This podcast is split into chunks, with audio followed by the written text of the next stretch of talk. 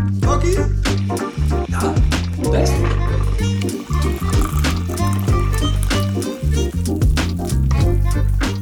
Hey, en hoe was jouw vakantie, man? Ja, lekker. Ja, lekker. Ja. Hey, ik zou er eigenlijk over willen vragen, maar dat ga ik niet doen. Nou, je klullig. Ja, sorry, maar we hebben vandaag gewoon iemand erbij zitten. Ja, dat is waar. En het is niet zomaar iemand, hè? Nee, Nou. de enige echte. De enige echte Remy Mulder. Ja, maar dat ben ik. Ja. Maar dan wil ik wel eigenlijk... Kijk, wij hebben ons, bij het begin hebben we ons niks voorgesteld. Ehm, dus ik wil jou ook gewoon voorstellen. Ja, jullie, jullie hebben je heel goed Ja, voorgesteld, wij, hè? wij Nee. hebben elkaar voorgesteld. Oh, dat is waar. Oh, maar dat is eigenlijk nog leuker. Dus daarom ehm, wil ik ook jou eigenlijk gewoon voorstellen hoe ik jou zie. Ehm, nou ja, want zoals die uitspraak heb ik nou al vaker teruggekregen. Wie kent de ander beter dan de ander? ja. Ja, dat is toch een mooie. Het blijft wel mooi. Nee, maar ehm, ik had wel heel veel waardering voor jou. Want jij bent altijd heel erg ehm, doelgericht eigenlijk. Heel erg gemotiveerd. Heel erg, eh, als jij iets wil bereiken, dan ga je er ook voor.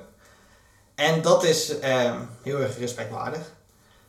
Ehm, daarnaast vind ik het ook wel altijd heel leuk om gewoon een hele gesprek met jou te voeren. Want jij staat anders in het leven dan... Want jij woont in de stad. Je komt hier wel uit vandaan, maar je kijkt toch weer anders naar dingen toe. Je Ja. beleeft dingen anders. En daardoor kunnen we altijd wel hele leuke gesprekken met elkaar hebben. Ja.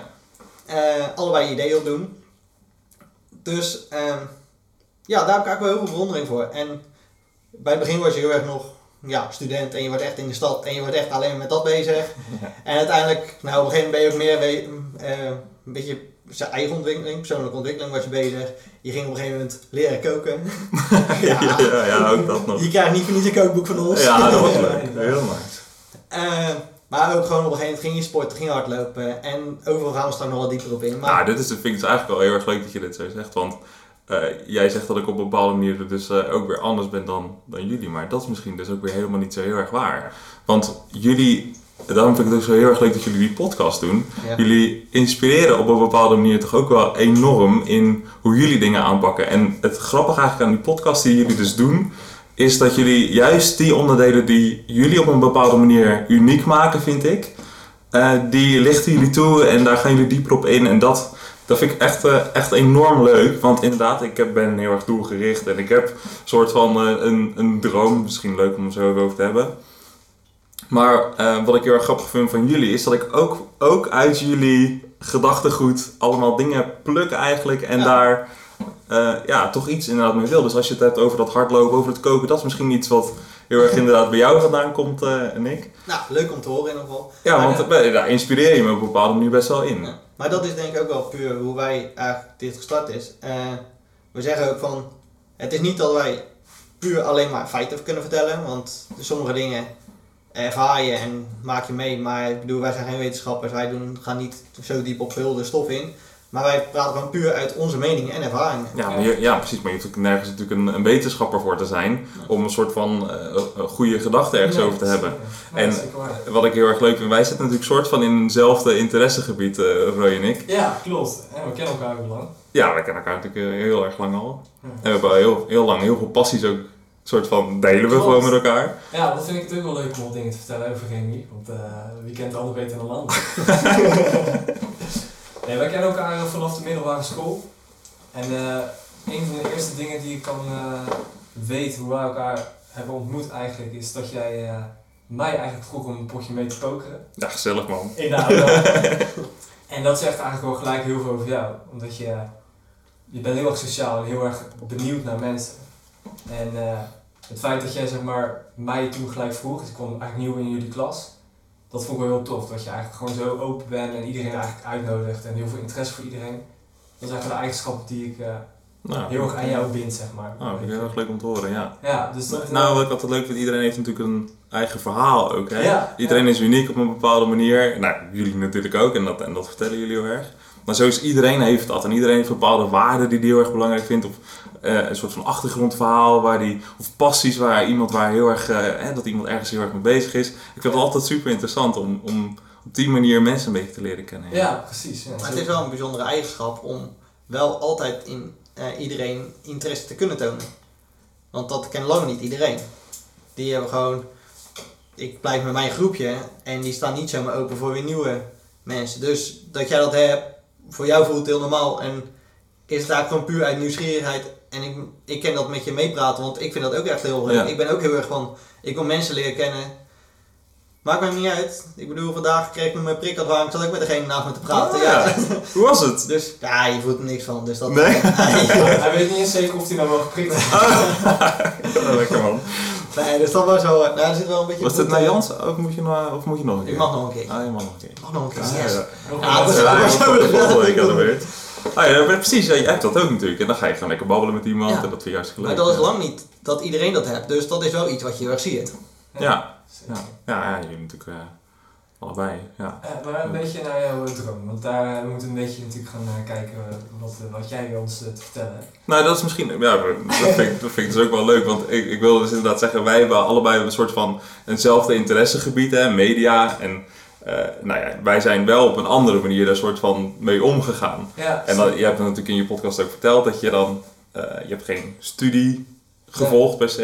Nee, En jij hebt je droom op een hele andere manier ben je die aan het bereiken dan ik. ja, Maar dat betekent niet dat één weg of zo de beste is. Want ik heb Nee. misschien juist nog wel veel meer respect voor de risico's die jij allemaal neemt. Omdat ik meer de gebaande paden natuurlijk bewandel. nou, dus zo zie ik het dan weer niet. Ik, ik, eh, zeker de, de opleiding en de weg die jij eh, dat bewandelt, zeg maar, dat is er ook eentje die niet heel veel mensen nemen. Tenminste, dat, dat beeld heb ik dan eigenlijk van met het werkveld waar jij in werkt.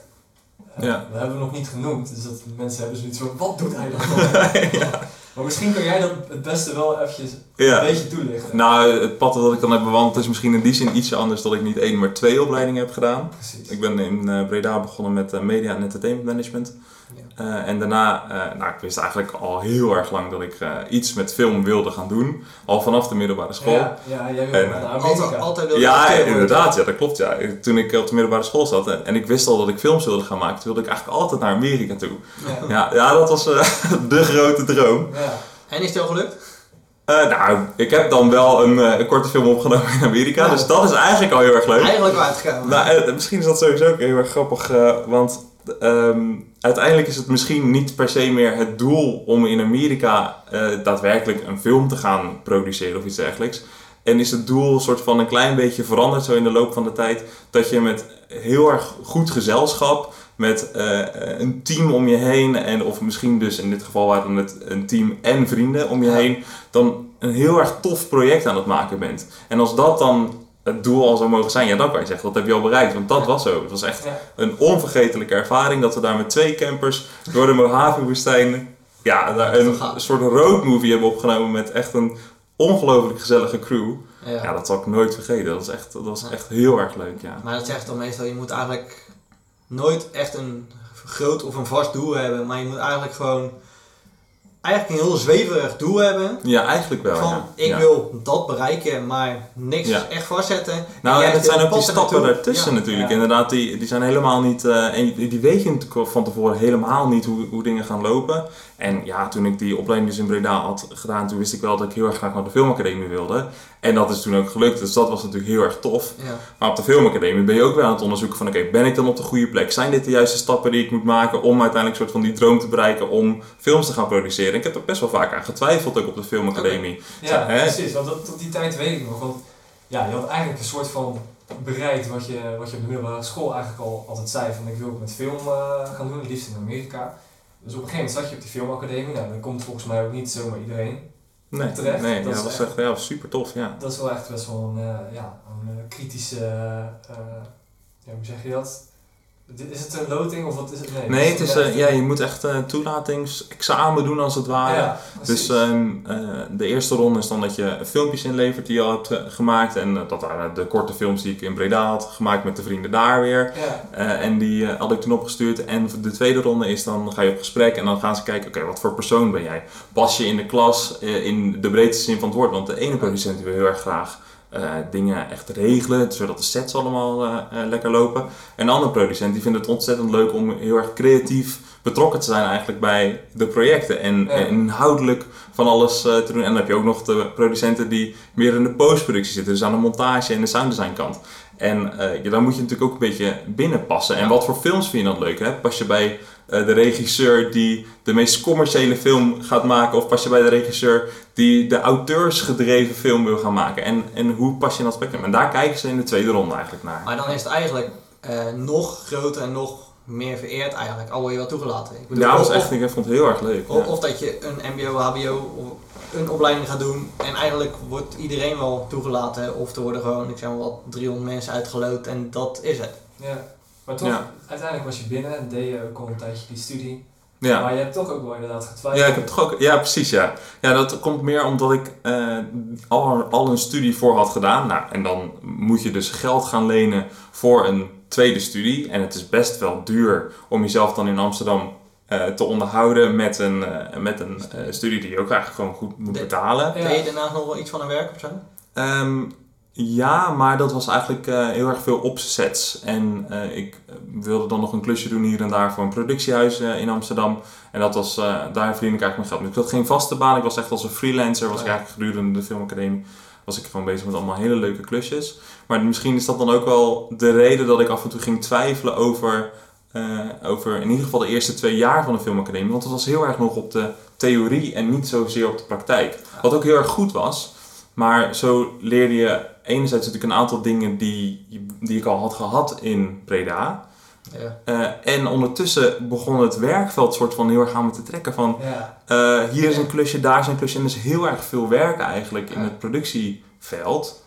Eh, dus je kan eigenlijk best wel snel, kan je gewoon eh, een, eh, een half jaar, een jaar vullen met PA zijn op een filmset. Dat kan gewoon. En, en dus dat begon een beetje te trekken. En ik vond het heel erg leuk. Ik vond die mensen allemaal heel erg leuk. En dus ik kon niet zo heel erg goed stilzitten in die filmacademie Ja, banken, zeg maar. En, Ja. en dat, daar, daar twijfelde ik dus een beetje aan in, het, in de eerste twee jaar. Maar daar komt dan weer het derde en het vierde jaar overheen. En nou, dat was gewoon fantastisch. De mogelijkheden die je dan hebt, het is eigenlijk echt een soort, dat noemen ze ook op de filmacademie, eh, noemen ze dat ook zo, het is echt een speeltuin, zeg maar. En je, je- ja, want je, je kan niet zo gek bedenken of het is eigenlijk gewoon mogelijk. Dus we hebben in het afstudeerjaar hebben we een visual effects film gemaakt.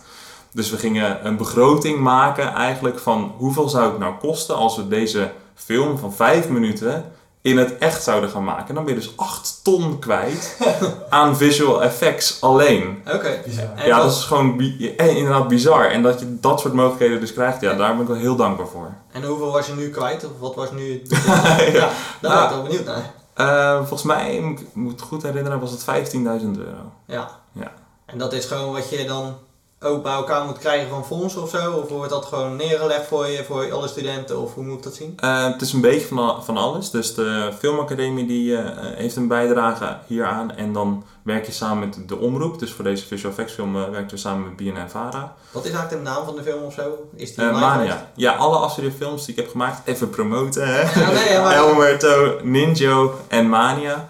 Die staan, volgens mij staan ze allemaal nog op NPO Start. Oké. En die kun je dus kijken. Ja, en wat leuk is trouwens, detail. Jij was er ook bij, toch? Ja, wij, wij Oh ja, dat is waar! Ja, ja. Ja de natuurlijk. Ja, dat is leuk hè. Eh, Ja. Ja, dat was Ninjo, ja. Ninjo. Ja, ja. Toen waren jullie in, eh, ja, was dat een criterium of zo ergens? Ja, eh? ja. ja, het was wel leuk om, eh, om eh, niet alleen om figurant te zijn, maar ook vooral om te zien hoe jij dan je werk eh, zeg maar doet. ja. Zeker. Gewoon een kijkje achter de schermen, niet alleen bij de filmset, maar gewoon in het, in het leven van, eh, ja, van Remy eigenlijk. Maar- Ja, maar ik sowieso inderdaad gewoon kijken hoe, hoe werkt het op de filmset als ware, want daar heb je eigenlijk nooit echt een beeld bij. Hoe werkt het eigenlijk ook met andere figuranten, want hoe gaat het eigenlijk in de film? Wat, Ja. wat zijn het eigenlijk voor mensen die eigenlijk allemaal een beetje Ja. rondlopen? Nou ja, hele willekeurige mensen, dat is wel, eh, wel leuk om te Ja, doen. en dat is ook super leuk van, we, we kennen jou natuurlijk gewoon als, eh, als goede vriend, maar op je werk is het toch wel heel anders. En het is wel Ja. leuk om bij iemand een dagje op zijn werk mee te kunnen lopen. Ja, nou ja, goed. Ik probeer niet heel anders te zijn op mijn werk dan. Nee, dat doe je, dat, doe- dat doe je ook wel goed. Maar ik denk Misschien dat, weer iets eh, serieuzer daar. Nou, misschien. Ietsje, Een ja. beetje. Ik hoop het wel. dat, dat moet wel af en toe. Nee, maar dan gaan we eigenlijk weer terug naar die eigenschap die we, aan- die we aan het begin eigenlijk al noemden. Van, ik denk dat voor, jou heel, eh, voor jouw werk heel belangrijk is dat je dus open bent en makkelijk contact maakt met mensen. Ja. Want ik denk in de filmwereld, en ook al in je opleiding denk ik, is het heel belangrijk dat je Ja. netwerk ja, het netwerk. Ja, het netwerk. eh, De filmwereld is heel erg klein eigenlijk. Dus het is heel erg belangrijk dat je. eh, nou ja, het is, je kunt het op allemaal manieren doen. Maar ik vond het heel erg belangrijk dat ik redelijk snel eigenlijk eh, fijne, leuke eh, maar ook gedreven mensen om me heen verzamelde. En ja, en het is inderdaad waar dat je, dat je best wel moet gaan netwerken. En het fijne dan weer van de Filmacademie is dat, dat de Filmacademie dat heel erg makkelijk maakt. Want je ontmoet al heel erg veel producenten die in het, in het filmlandschap werken. Je ontmoet heel veel regisseurs. Er komen en er zijn een soort van eh, study cases. eh, eh, dus dan heb je een, een eh, regisseur en een cameraman, een production designer. Die gaan dan eh, vertellen aan het collegezaal wat ze allemaal doen. En, en je mag gewoon ongelimiteerd vragen stellen. Ja, Het is echt heel erg informeel op een bepaalde manier. En je komt op bepaalde plekken waar eh, dat netwerken ook weer heel erg makkelijk is. Het eindexamenfestival wat georganiseerd wordt is echt eh, ontzettend gezellig en, en leuk. Maar daar komt dus ook de filmwereld op af. Die willen dan weer zien, oké, maar wie studeren er allemaal Ja. af hier van de? Filmacademie? En dat is, eh, ja, dat is echt Dus, heel erg goed dus, gedaan. dus als zeg maar, de filmacademie niet alleen om je skills te leren was, Ja. dan was het eigenlijk ook gewoon heel veel waardevol om te kunnen Ja, netwerken. ja, precies. Ja, heel erg. Nou, ja, en ik, ik heb daar eigenlijk ook nu mijn baan aan te danken. Want ehm, toen we afgestudeerd waren als producent van de Filmacademie, toen mochten we naar het filmproducentendiner. Wat natuurlijk ontzettend leuk is dat je dan met allemaal producenten in het Nederlandse Maar dat zijn ook gaan. producenten die al heel lang Ja, het vak ja, zitten. ja, dat zijn echt eh, dat zijn, eh, de mensen waar ik allemaal naar opkijk. Ja, Super vet. Ja, dat hoeveel echt- mensen zijn het dan? Dat- nou, dat is, ik denk dat daar ongeveer 50 eh, producenten waren. En dat zijn echt de belangrijke producenten in Nederland die... Ja, dat zijn wel de producenten van de verschillende productiehuizen, ja. Ja. ja. En door wie werd dat geregeld dan, zo'n idee? Eh, de de eh, filmproducenten in Nederland zijn eigenlijk eh, verenigd in de, eh, dat was toen de FPN, dat heet nu de NAPAC, dat heb ik ook weer vergeten, maar eh, die organiseren één keer per jaar zo'n eh, diner. En naast dat ze dat diner organiseren is eigenlijk de voornaamste taak van deze belangenorganisatie om eh, met elkaar een soort van sterk te staan om afspraken gelijk te trekken. Ook naar het eh, ministerie van eh, Cultuur en eh, Ja. dat ze daar ja, gewoon een soort van gaan lobbyen. Dat gebeurt dus ook. Ehm, en ook om dingen van reguleringen gelijk te trekken richting het filmfonds toe. En dat is allemaal ja, heel erg fijn dat ze dat doen. En, ja, en dan is dit gewoon een heel mooi voordeel dat je dan als eh afgestudeerde producent lekker daar op de borrel eh, Ja, kan komen. En eh, nou, ik had net daarvoor, toen ik was afgestudeerd, had ik een filmproductie gedaan als assistent productieleider. En toen begon ik me af te vragen, ja, is dit nu wel de weg die ik wil gaan bewandelen om dat doel dan te gaan bereiken? Ja. Ehm, maar je hebt soort van twee verschillende type producenten. Je hebt de producenten die op set werken. En dan word je eh, dus dan van PA naar assistent productieleider, naar productieleider, naar uitvoerend producent. En dan heb je nog het type producent wat heel erg aan de, eh, echt aan de achterkant zit. Dus ook niet opzet, maar dat is de producent die vanaf het allereerste moment dat een film, als, als een ideetje ontstaat ergens, eh, erbij betrokken is en dat idee gaat ontwikkelen. En dan subsidie gaat eh, regelen, hardgeld Ja. gaat regelen, zodat die film gemaakt kan worden. Dan wordt het dus overgedragen aan een uitvoerend producent. Die gaat het dan vervolgens maken. En dan komt het eigenlijk weer bij je terug om, zodra het de postproductie ingaat. En dan wil nog wel een postproductie supervisor dat dan in goede banen leiden. Totdat het weer naar marketing eh, eh, de fase Ja. gaat en het allemaal festivals moet gaan bezoeken. eh, eh, dat, je, dat je premières gaat organiseren en dat je dan uiteindelijk allemaal sales gaat doen. Dus dat is een heel ander type producent eigenlijk dan degene die op set staat. En dat is wel de type producent die ik uiteindelijk zou willen worden. Ik dat is wel meer jouw kant. hè? Ja, dus ik wist eigenlijk al best wel snel dat ik niet degene zou zijn die dan op set zou moeten werken. Nee. Ik moest degene zijn die heel veel zou gaan leren aan de achterkant. Want ja. dat is nog best wel veel Het aan de achterkant. Het klinkt ook een beetje, als je het zo uitlegt, dat, dat zeg maar, de producent die jij bent, eigenlijk het soort van de ondernemer is. Ja. Die eigenlijk gewoon een bedrijf Ja, opzet of runt. Ja, klopt. ja, je zou eigenlijk inderdaad iedere film kunnen zien als een eigen bedrijfje. Ja, Ja, precies. En jij staat dan eigenlijk aan het, aan het roer van... ja. ja. jij maakt het mogelijk dat dat dan inderdaad gemaakt kan worden. Ja. Ja, en waar, en even voor de, voor de filmkijkers onder ons, waar staat dan jouw naam zeg maar in de aftiteling? Eh, nou, hangt er dus heel erg vanaf wat voor rol ik Ja, bekleed en op welk moment. Maar ja, als, als assistent productieleider dan sta je dus in het productiedepartement ergens. Eh, eh, maar dat verschilt er weer e- enorm. En wat ja. is nu jouw functie? Ja, dus... eh, ja, ja. Waar ben je ieder geval? Nou ja, weer- ja, precies, weer even terugkomen. Dus ik wist dat ik eh, niet meer op eh, set wilde gaan staan. Ik wilde echt gaan leren van hoe word je dan zo'n ondernemer. En ik had, had nog heel erg weinig kennis over filmfinanciering. Ja. En juist als je natuurlijk een film wil gaan maken, moet je wel zorgen dat je geld hebt voor zo'n film. En dat kunnen behoorlijk grote geta- getallen worden. Ja. Dus je moet wel gewoon weten hoe de vork in de steel zit.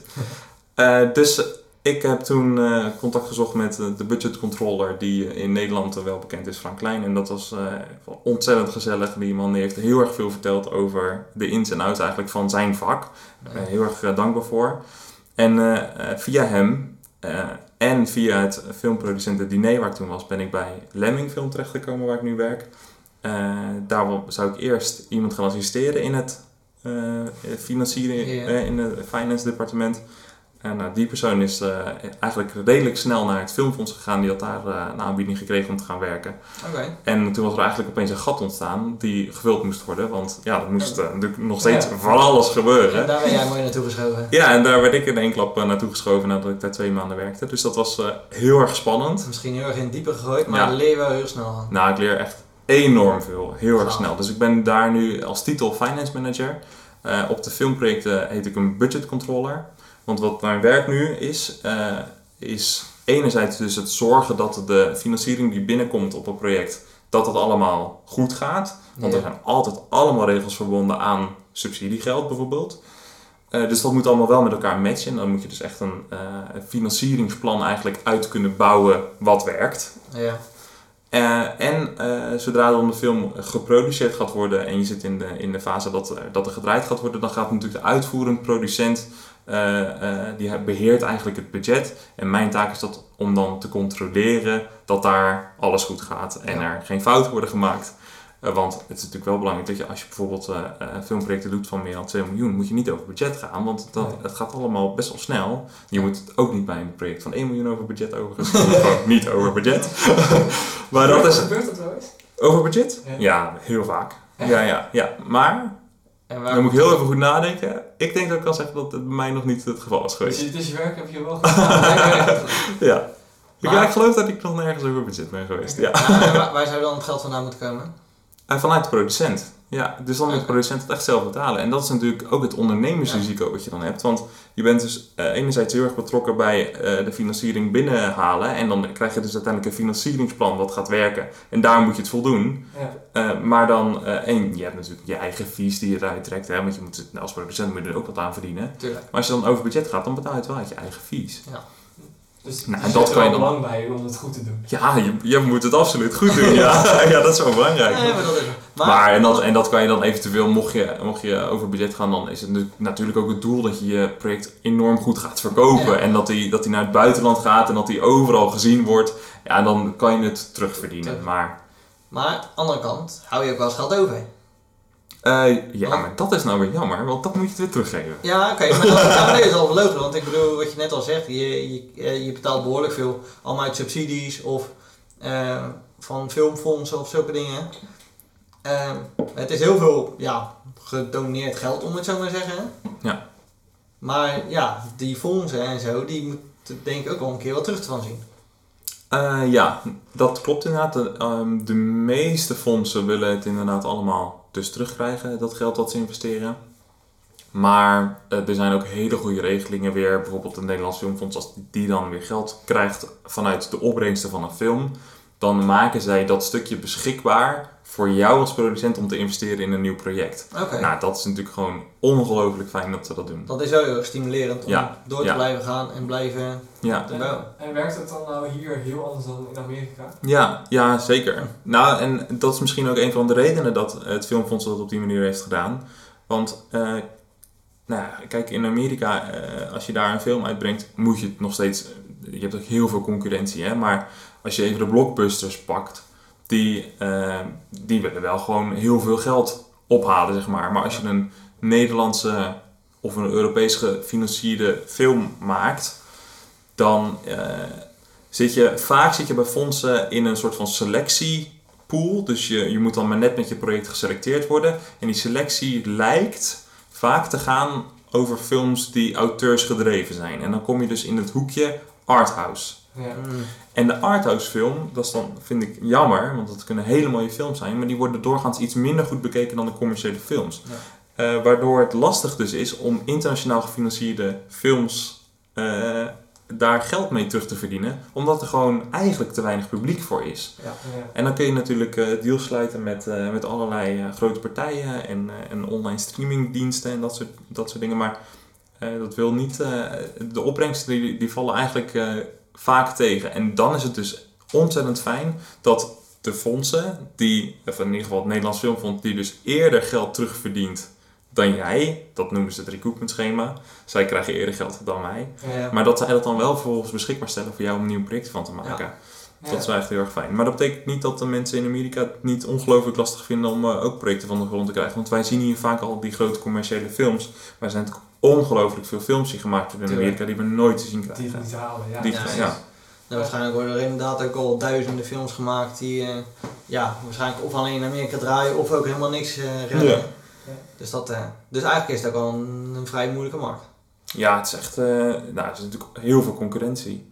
Ja. Ja. dus dan moet je wel. Ik had ook nog wel gedacht eh, na de filmacademie van eh, ook ga heel snel een eigen bedrijfje starten. Hè, dus dat je gewoon, eh, want dat vind ik ook leuk. Ik, ben ook, Ja, ik wil ook heel graag ondernemen. Ja. Ja. Dus dat had ik, wel, had ik wel heel erg leuk gevonden. We zelfs al met een paar vrienden van de filmacademie over gehad. Oké, gaan we dan een eigen bedrijf starten? En, toen heb ik heel erg enthousiast gemaakt. Alleen, naast dat ik dat gewoon heel erg leuk had gevonden en misschien dat avontuur wel had aan willen gaan, is dat toch heel moeilijk. Want je moet dan opeens met nul geld toch iets van de grond gaan proberen te krijgen. Eh, en dan begin je eigenlijk in Nederland gewoon met de, eh, met de, met de korte, kortere films. Daarna ga je eh, low-budget speelfilms maken. En zo klim je eigenlijk je weg omhoog. Ja. En dat is ook heel erg fijn dat die mogelijkheden er allemaal zijn. Ja. Want je moet natuurlijk ook een soort van hè, portfolio bouwen, laten zien wat je allemaal kan. Ja. Zeker voor de regisseurs. Ehm, maar ehm, het is wel lastig om dan vervolgens je geld te verdienen. En ja, Maar nu ik- zit ik in een luxe positie dat ik wel gewoon het werk heb waardoor ik een maandsalaris krijg. Ja, maar is het ook ehm, dat, eh, net zoals fondsen en zulke dingen, ook kijken naar de naam en naar wat ehm, bedrijven of producenten al hebben gemaakt, of ze wel of niet hun gaan financieren? Eh, dat denk ik wel, ja. Eh, sowieso moet je bij het Nederlandse Filmfonds, eh, mag je alleen maar aanvragen voor bepaalde potjes als je al iets anders hebt gedaan. Ah, Oké, dus dan moet je wel. Ja, dus dan heb je een soort track record nodig. Maar waar, waar is, of moet je echt je eerste film met een eigen budget gaan maken? Nee, ook voor de eerste films zijn er regelingen. Ja. Maar als je echt naar de speelfilms kijkt, dan, dan eh, ja, willen ze toch wel graag, in ieder geval ook van een regisseur, dat er een soort track record is. Ze moeten kunnen zien, wat is het eerdere werk geweest? En kan zo iemand dit budget, wat, wat, het gaat Ja. echt over best wel grote bedragen, hè? 2 miljoen euro, ik geef het maar zomaar eh, Ja, aan iemand. De- Ik bedoel, die moet het wel waar kunnen maken. Die Ja. moet wel je vertrouwen eh, in een omroep eh, of, een, eh, of een distributeur of eh, eh, noem maar op. Ze moeten wel het vertrouwen kunnen geven aan zo'n creatief ja. Ja, precies. Is- regisseur die dat toch allemaal gaat trekken. Ja. Ja, waar ik nou eigenlijk benieuwd naar, je, je noemt net even een bedrag op, ja, 2 miljoen. Jij ziet eigenlijk dagelijks gewoon grote bedragen eh, langskomen. We hebben een tijdje geleden een podcast over financiën eh, gedaan. En hoe geld eigenlijk relatief is voor iedereen, of de waarde van geld relatief is. Hoe ga jij daarmee om? Want in het dagelijks leven op je werk ben je ja, misschien aan het schuiven met eh, duizenden euro's. ja. Hoe relateer je dat naar je eigen... Nou, dat zie ik heel los van elkaar. Want ja, ik heb gewoon niet de mogelijkheid om zoveel geld in mijn privéleven te schuiven. nee, dat gaat ook, eh, gaat ook echt niet komen. Maar eh, Vind, nee, je, ja, vind je het niet gek om met zulke bedragen te werken? weet ik niet. Dat vind ik eigenlijk wel een hele interessante vraag. Ik eh, vind het niet gek om met zulke bedragen te werken, want ik weet hoe zo'n budget in elkaar zit. En zo'n zo'n 2 miljoen wordt opgesplitst naar enorm veel kleinere postjes, waardoor een crewlid weer gewoon een normale dagprijs verdient, zeg maar. Ja. Dus ja, het- op zich is dat niet gek. Je moet, gewoon, je moet het gewoon overzien. Maar het is niet dat ik, eh, dat ik daar een ander beeld... Nee, De- Nee, oké, ja. Sterker nog, ik denk zelfs dat, dat eh, jullie, jij, mij, eh, Roy, me best wel geïnspireerd om het ook op een heel andere manier te zien allemaal. Want je hoeft dus helemaal niet duur te leven. En, en jezelf eh, ben ik juist heel erg aan het sparen nu voor, gewoon voor later. En het vooral, misschien ben ik zelfs wel een stuk minimalistischer gaan leven dan ik ooit heb gedaan.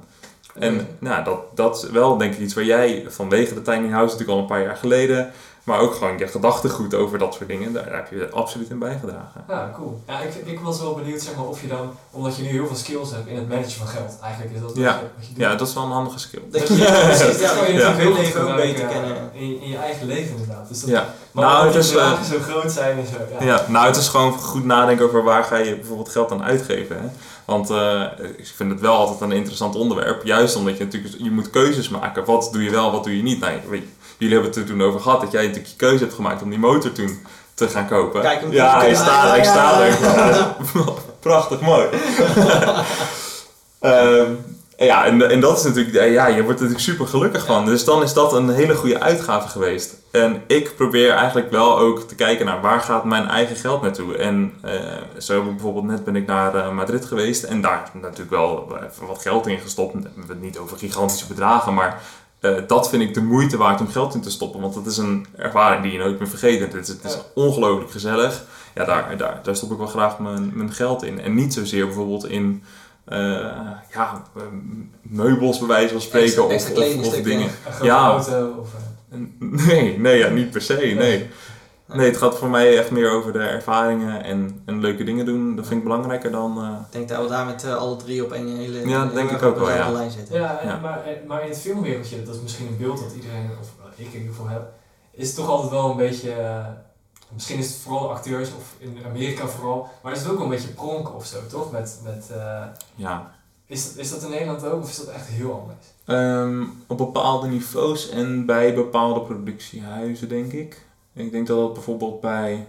Ja, ook omdat het kan, hè. Bijvoorbeeld bij een Talpa. Ja, die Ja. hebben gewoon geld om, eh, om te smijten, hè.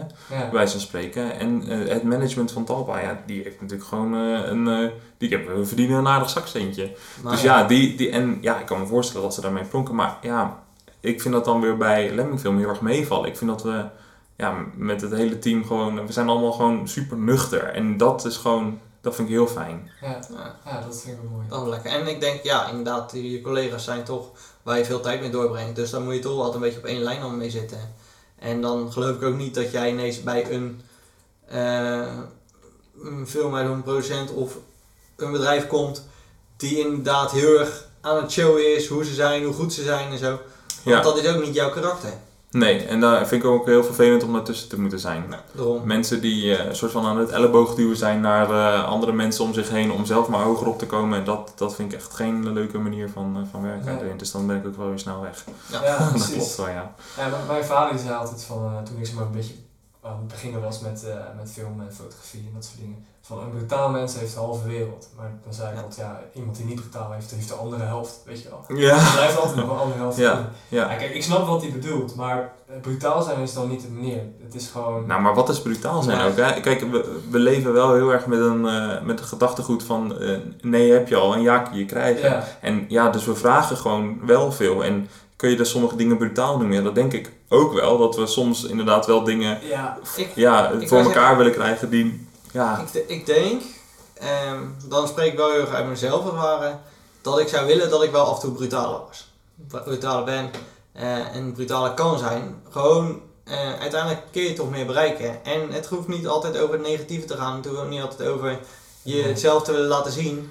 Maar het gaat gewoon om de simpelste dingen. Eh, ik ben ook altijd wel opgevoed van, je hoopt dat mensen zich altijd gewoon, ieder, iedereen krijgt wat hij wat verdient.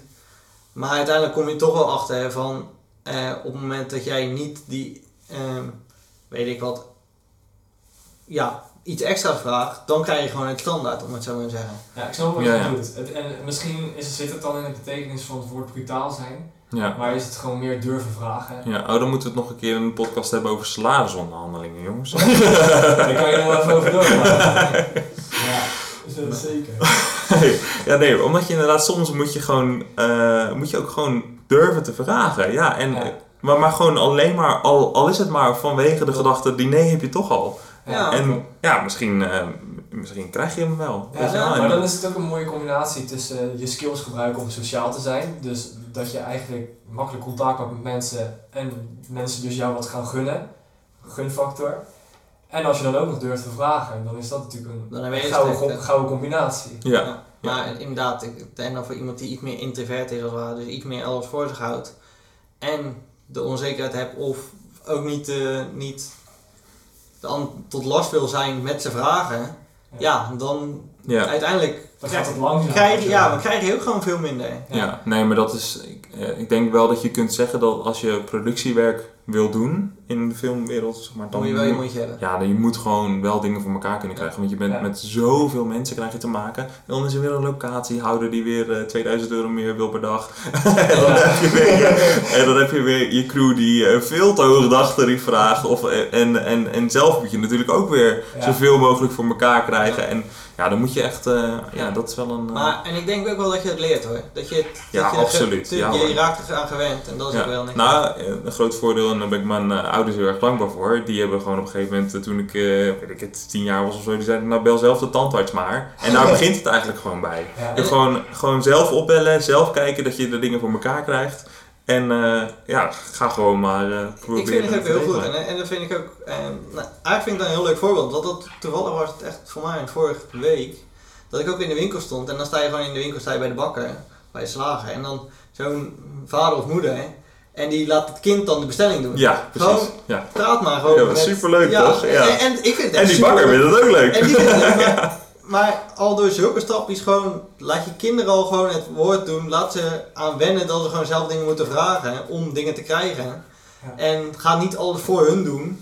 Ik denk Ja. dat dat een hele wijze les is eigenlijk voor Ja. een hoop ouderen. En maar, maar sommige mensen die, die zijn er van nature ook gewoon misschien al beter in dan, eh, dan anderen. Ja. Ik, ik was vroeger gewoon echt wel verlegen. En het is, het is dat bijvoorbeeld Remy op de middelbare school mij vroeg om te komen pokeren. Maar ik had daar niet in eigen initiatief naar die tafel gelopen van hé hey, gast, ik ga hier eens even mee. Nee, Weet je wel? En eh, daar zag je eigenlijk al aan jouw karakter, zeg maar. Ja. Dat je makkelijk mensen uitnodigt of je bent heel open. Maar ook nog eens dat je altijd, jij was altijd degene die alles eh, wel regelde. Ja, nou ja, eigenlijk, eigenlijk doe ik wel redelijk het goede werk dan. Ja, toch? ja, je allemaal een goed plekje beland. Ja, Ja, nou, en het was altijd weer gezellig. ja, zeker, zeker. Dus als dat nu nog steeds zo is, dan... eh, Ja, ja. Ja, absoluut, ja.